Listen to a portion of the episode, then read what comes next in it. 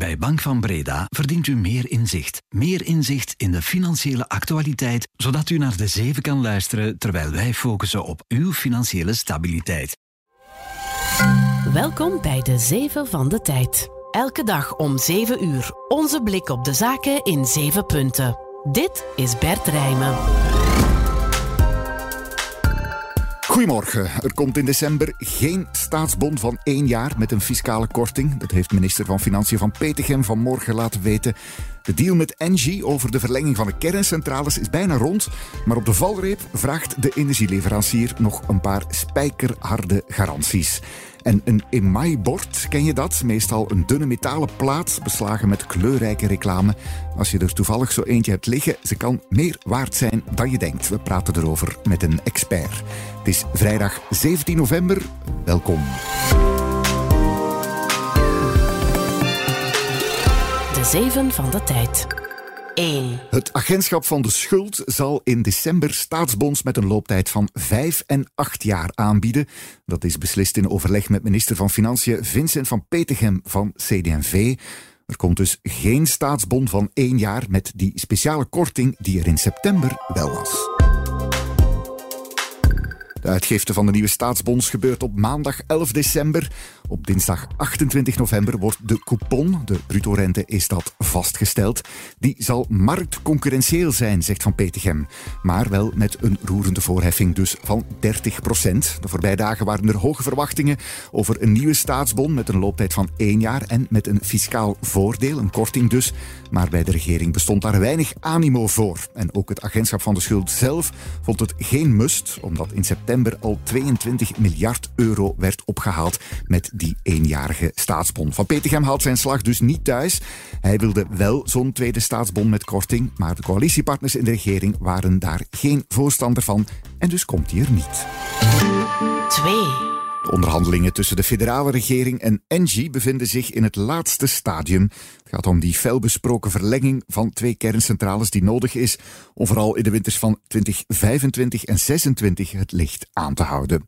Maar nu, op de valreep, eist de Franse energieleverancier nog een paar spijkerharde garanties. Welke precies en kan die cruciale deal toch nog in gevaar komen? Goedemorgen, David Adriaan. Goedemorgen Bert expert energiesector hier bij de tijd. Uh, David, die uh, onderhandelingen tussen regering en Engie zijn dus echt bijna rond? Ja, we zijn er bijna. Catherine uh, McGregor, de CEO van Engie, heeft gezegd dat ze nog dit kwartaal haar handtekening wil plaatsen. Dat heeft ze nog eens opnieuw bevestigd. Mm -hmm. Belangrijk punt voor Engie is dat het bedrijf eigenlijk spijkerharde garanties wil dat alle afspraken die tot nu toe gemaakt zijn, dat die effectief gaan nagekomen zijn. De groep is een beetje bevreesd dat er gebeurt wat er in het verleden gebeurd is met sommige Belgische regeringen, dat afspraken die zijn gemaakt niet volledig zijn nagekomen. Eerdere levensduurverlengingen werden niet uitgevoerd. Uh, een belofte om geen nieuwe taxen te doen. Dan kwamen er toch weer taxen. Dus de Belgische overheid heeft een beetje een imago in Parijs van niet altijd even betrouwbaar en standvastig uh, te zijn. Oké, te begrijpen misschien. En dus wil Engie garanties. Waar gaat het dan over? Bij de voorbije onderhandelingen zijn er al bepaalde dingen uit de brand gesleept door Engie. Bepaalde investeringen die gaan terugbetaald worden, winstgaranties, een schadevergoeding van als het project toch niet door kan gaan. Maar de groep wil dat nu echt wel heel hard betoneren, liefst in een uh, wet. En ja, blijkbaar is het pijnpunt nog dat, dat Engie toch wel eist dat zelfs als iets in een wet uh, vast wetten kunnen altijd gewijzigd worden natuurlijk, dat toch de komende regeringen op de afspraken die gemaakt zijn niet zal kunnen terugkomen en dat Engie dan eigenlijk ja, een schadevergoeding of, of een alternatief krijgt. Okay, verankering in een wet, eh, bijkomende garanties en als die niet worden nagekomen, een fikse schadevergoeding. Klinkt al als een indrukwekkend uh, pakket. David, kan de deal uh, toch nog afspringen? Ja, we hebben geen absolute garanties, maar beide partijen hebben alle, alle belang bij om die deal te tekenen. De overheid wil in de eerste plaats dat de reactoren verlengd worden, om de bevoorradingszekerheid in de winters te garanderen. Maar Engie heeft er ook uh, belang bij, want een van de afspraken is dat er een plafond komt op de kosten van de nucleaire opkuis, van het, het, het nucleair afval op lange termijn. En Engie wil daar graag een streep onder trekken dat ze in de toekomst geen extra facturen meer in een bus krijgen voor dat kernafval. Juist, dat was ook nog part of the deal. Goed, uh, dankjewel David Adria. Graag gedaan. 3. De evacuatie van gewonden en buitenlanders uit Gaza is stopgezet. Dat laten de Egyptische veiligheidsdiensten weten. Komt omdat alle communicatienetwerken in Gaza zijn uitgevallen door een gebrek aan brandstof. De voorbije weken werden er bijna dagelijks druppelgewijs mensen geëvacueerd uit Gaza naar Egypte. Intussen roept Israël nu ook Palestijnen in het zuiden van Gaza op om hun huizen te verlaten. Eerst deed ze dat enkel in het noorden. Of dat wijst op een militaire actie ook in het zuiden is nog te vroeg om te zeggen. Het Israëlisch leger viseert wel de zuidelijke stad Khan Yunis en probeert de bewoners te evacueren. Probleem is dat er geen vluchtwegen zijn, want de grens met Egypte is dus zo goed als dicht.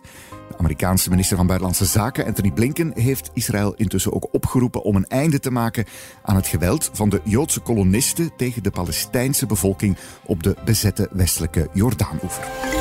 4 komen steeds meer vragen over de geloofwaardigheid van Conor Rousseau als partijvoorzitter bij Vooruit. Dat is na een publicatie in het Nieuwsblad. Daarin staan de vermeende letterlijke woorden van Rousseau toen hij zich tegenover een politieagent buiten een café in Sint-Niklaas onder meer racistisch uitliet tegenover Roma. Je moet veel meer uw matrak gebruiken. Ik kan dat bruin gespuis niet allemaal buiten zetten. Het is een zin die blijft hangen. Rousseau deed dat af als zatte mansklap, maar moet van parket nu wel een bemiddelingstraject volgen. Onder meer met therapie en een bezoek aan de Donsin-kazerne in Mechelen. Maar na het nieuwsbadstuk volgt nu nog een nieuwe golf van verontwaardiging. Rousseau moet zich bijkomend excuseren, zegt PS-kopstuk Ahmed Louesh aan de tijd. Zo'n expliciet racisme staat mijlenver af van het socialisme. En dat Rousseau dronken zou zijn geweest, verandert daar niks aan, zegt Lawesh. Hij voelt zich als zoon van een Marokkaanse vader in het bijzonder geschokt door de termen die Rousseau gebruikte. De kopstukken van vooruit blijven Rousseau steunen, ondanks zijn uitspraken. Politiek lijken de socialisten nu wel behoorlijk moeilijk te gaan krijgen om in de kiescampagne op een enigszins geloofwaardige manier de strijd aan te binden met Vlaams Belang en het racisme dat ze die partij vaak aanwrijven. 5. Het wordt een spannende dag voor de Italianen en dan vooral voor premier Giorgia Meloni. Die staat vandaag voor een dubbele test, een politieke en een financieel-economische. Voorkennis. De politieke test wordt georganiseerd door de twee grootste Italiaanse vakbonden. Die komen vandaag op straat omdat ze vinden dat Meloni's uiterst rechtse regering te weinig investeert in scholen, gezondheidszorg en industrie en te veel in de eigen achterban. Hoeveel mensen vandaag staken en betogen, dat mag je gerust zien als een populariteitstest voor Meloni. Maar misschien nog belangrijker is de kredietwaardigheidsupdate van ratingbureau Moody's. Die staat ook vandaag op de agenda voor Italië. Op dit moment geeft Moody's Italië een score BAA3. Dat is net één trapje boven de zogenoemde rommelstatus, junk dus. Als er vandaag een degradatie komt, zou het de eerste keer zijn dat een G7-land zo'n rommelstatus krijgt. Het zou misschien wel vergaande gevolgen kunnen hebben toen dat andere ratingbureau S&P 13 jaar geleden hetzelfde deed met Griekenland, ontketende het mee een crisis in heel Europa. 6. Rusthuisgroep Orpea blijft actief in België. Dat bevestigt de Belgische CEO Olivier van Hoeten aan de tijd. Orpea was in opspraak gekomen tijdens de coronacrisis, die het leven kostte aan 800 bewoners binnen de rusthuisgroep, die ook in Frankrijk actief is. Een Franse onderzoeksjournalist schreef er zelfs een felbesproken boek over, De Doodgravers. Door de nieuwe schandaalsfeer de Orpea even met het faillissement. Zag er in ieder geval naar uit dat het zijn verlieslatende Belgische tak mogelijk ging afstoten. Maar in plaats van een verkoop wordt het dus een vermageringsoperatie. Dat is na een financiële reddingsoperatie door de Franse staat. 10 van de 60 Belgische woonzorgcentra zijn al gesloten. Nu is het tijd om weer te investeren, zegt Van Hoeten. Er gaat 90 miljoen naar de renovatie van de Belgische gebouwen. En tegen 2025 moet Orpea België weer break-even draaien. 7. We zijn bescheiden hier bij de zeven, maar nu laten we toch even breed hangen, want bij de krant zit vandaag de wealth-bijlage. Wat te doen met je geld als je daar meer dan genoeg van hebt. Vaak kijken mensen dan naar kunst, wijn of auto's, en dat is zeker geen slecht idee, maar er is meer dan dat wat te denken van emaai-borden. Iedereen heeft er al wel eens zo'n eentje gezien, vintage meestal van Martini bijvoorbeeld, of een auto- of sigarettenmerk, ooit gemaakt om gewoon reclame te maken, maar er zitten vaak echte pareltjes tussen die ook technisch veel hoogstaander zijn dan een gewone affiche. Dat zegt expert en verzamelaar Jan de Plus. De maaibord is gewoon een staalplaat waar verschillende kleuren gesmolten glas overgelegd worden en ingebakken. Net zoals met aardewerk. Daar kwam dan ook bij dat het een heel intensief werk was. En uh, in is dat laag per laag en laag per laag, vroeger zeker, werd apart ingebakken. Zo'n productieproces dat kon voorheen in maaibord kon eigenlijk een paar dagen in beslag nemen. Heel mooie stukken dus, die ook steeds meer waard zijn. Een topstuk is een emailbord voor Spa Arrangina. Bijvoorbeeld Spa kent iedereen natuurlijk, dat alleen al. Maar er staat een vrouw op. Er werden niet zo heel veel exemplaren van gemaakt. En dat is echt een, een, een, een mythisch exemplaar. Schat dat zo'n perfect exemplaar, voor zover dat je er al in wint natuurlijk, al gemakkelijk uh, eh, 80.000 euro kan gaan. Wat dat toch al vrij behoorlijk is. Op internationale beurzen en veiligen zijn er borden die zelfs voor meer dan 250.000 euro verkocht worden. En die waarde stijgt jaar na jaar. Ook een goede investering dus voor wie het geld daarvoor heeft. Alles daarover dus in de Wealth-bijlage bij de tijd vandaag. Van emailborden over kostbare manuscripten tot niche parfums. Check it out.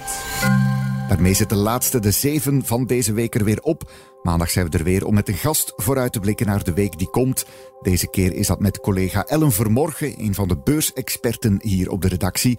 Met haar blikken we vooruit, ook met de lessons learned van Finance Avenue, de geldbeurs van de tijd die dit weekend plaatsvindt in Tour en Taxis. Alles over beleggen, sparen en investeren in wat dan ook. Je vindt het daar. Inschrijven kan nog altijd en is gratis. Check daarvoor financeavenue.be. Maar er is dit weekend natuurlijk ook een zaterdagkrant. Chef Sophie van Lommel weet meer. We gaan naar de Westhoek, die onder water is gelopen, waar we ons afvragen of overstromingen misschien wel het nieuwe normaal zijn. We interviewen Gwendoline Rutte, toch wel de comeback van het jaar. En Calvin Kiptum, 23 jaar, wereldrecordhouder op de marathon, zit heel dicht bij de mythische limiet van de twee uur. Hij vertelt ons wat hij nog in petto heeft. Dat alles en veel meer in de dubbeldikke zaterdagkrant morgen.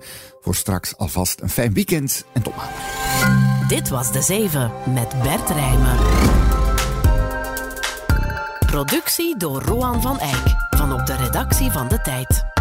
Voor meer business en straffe nieuwsverhalen, check tijd.be of onze app. Maandag zijn we er weer. Fijn weekend.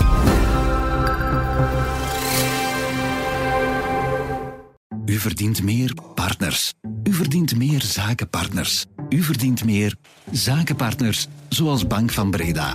Zodat u echt tijd kan maken voor uw levenspartner.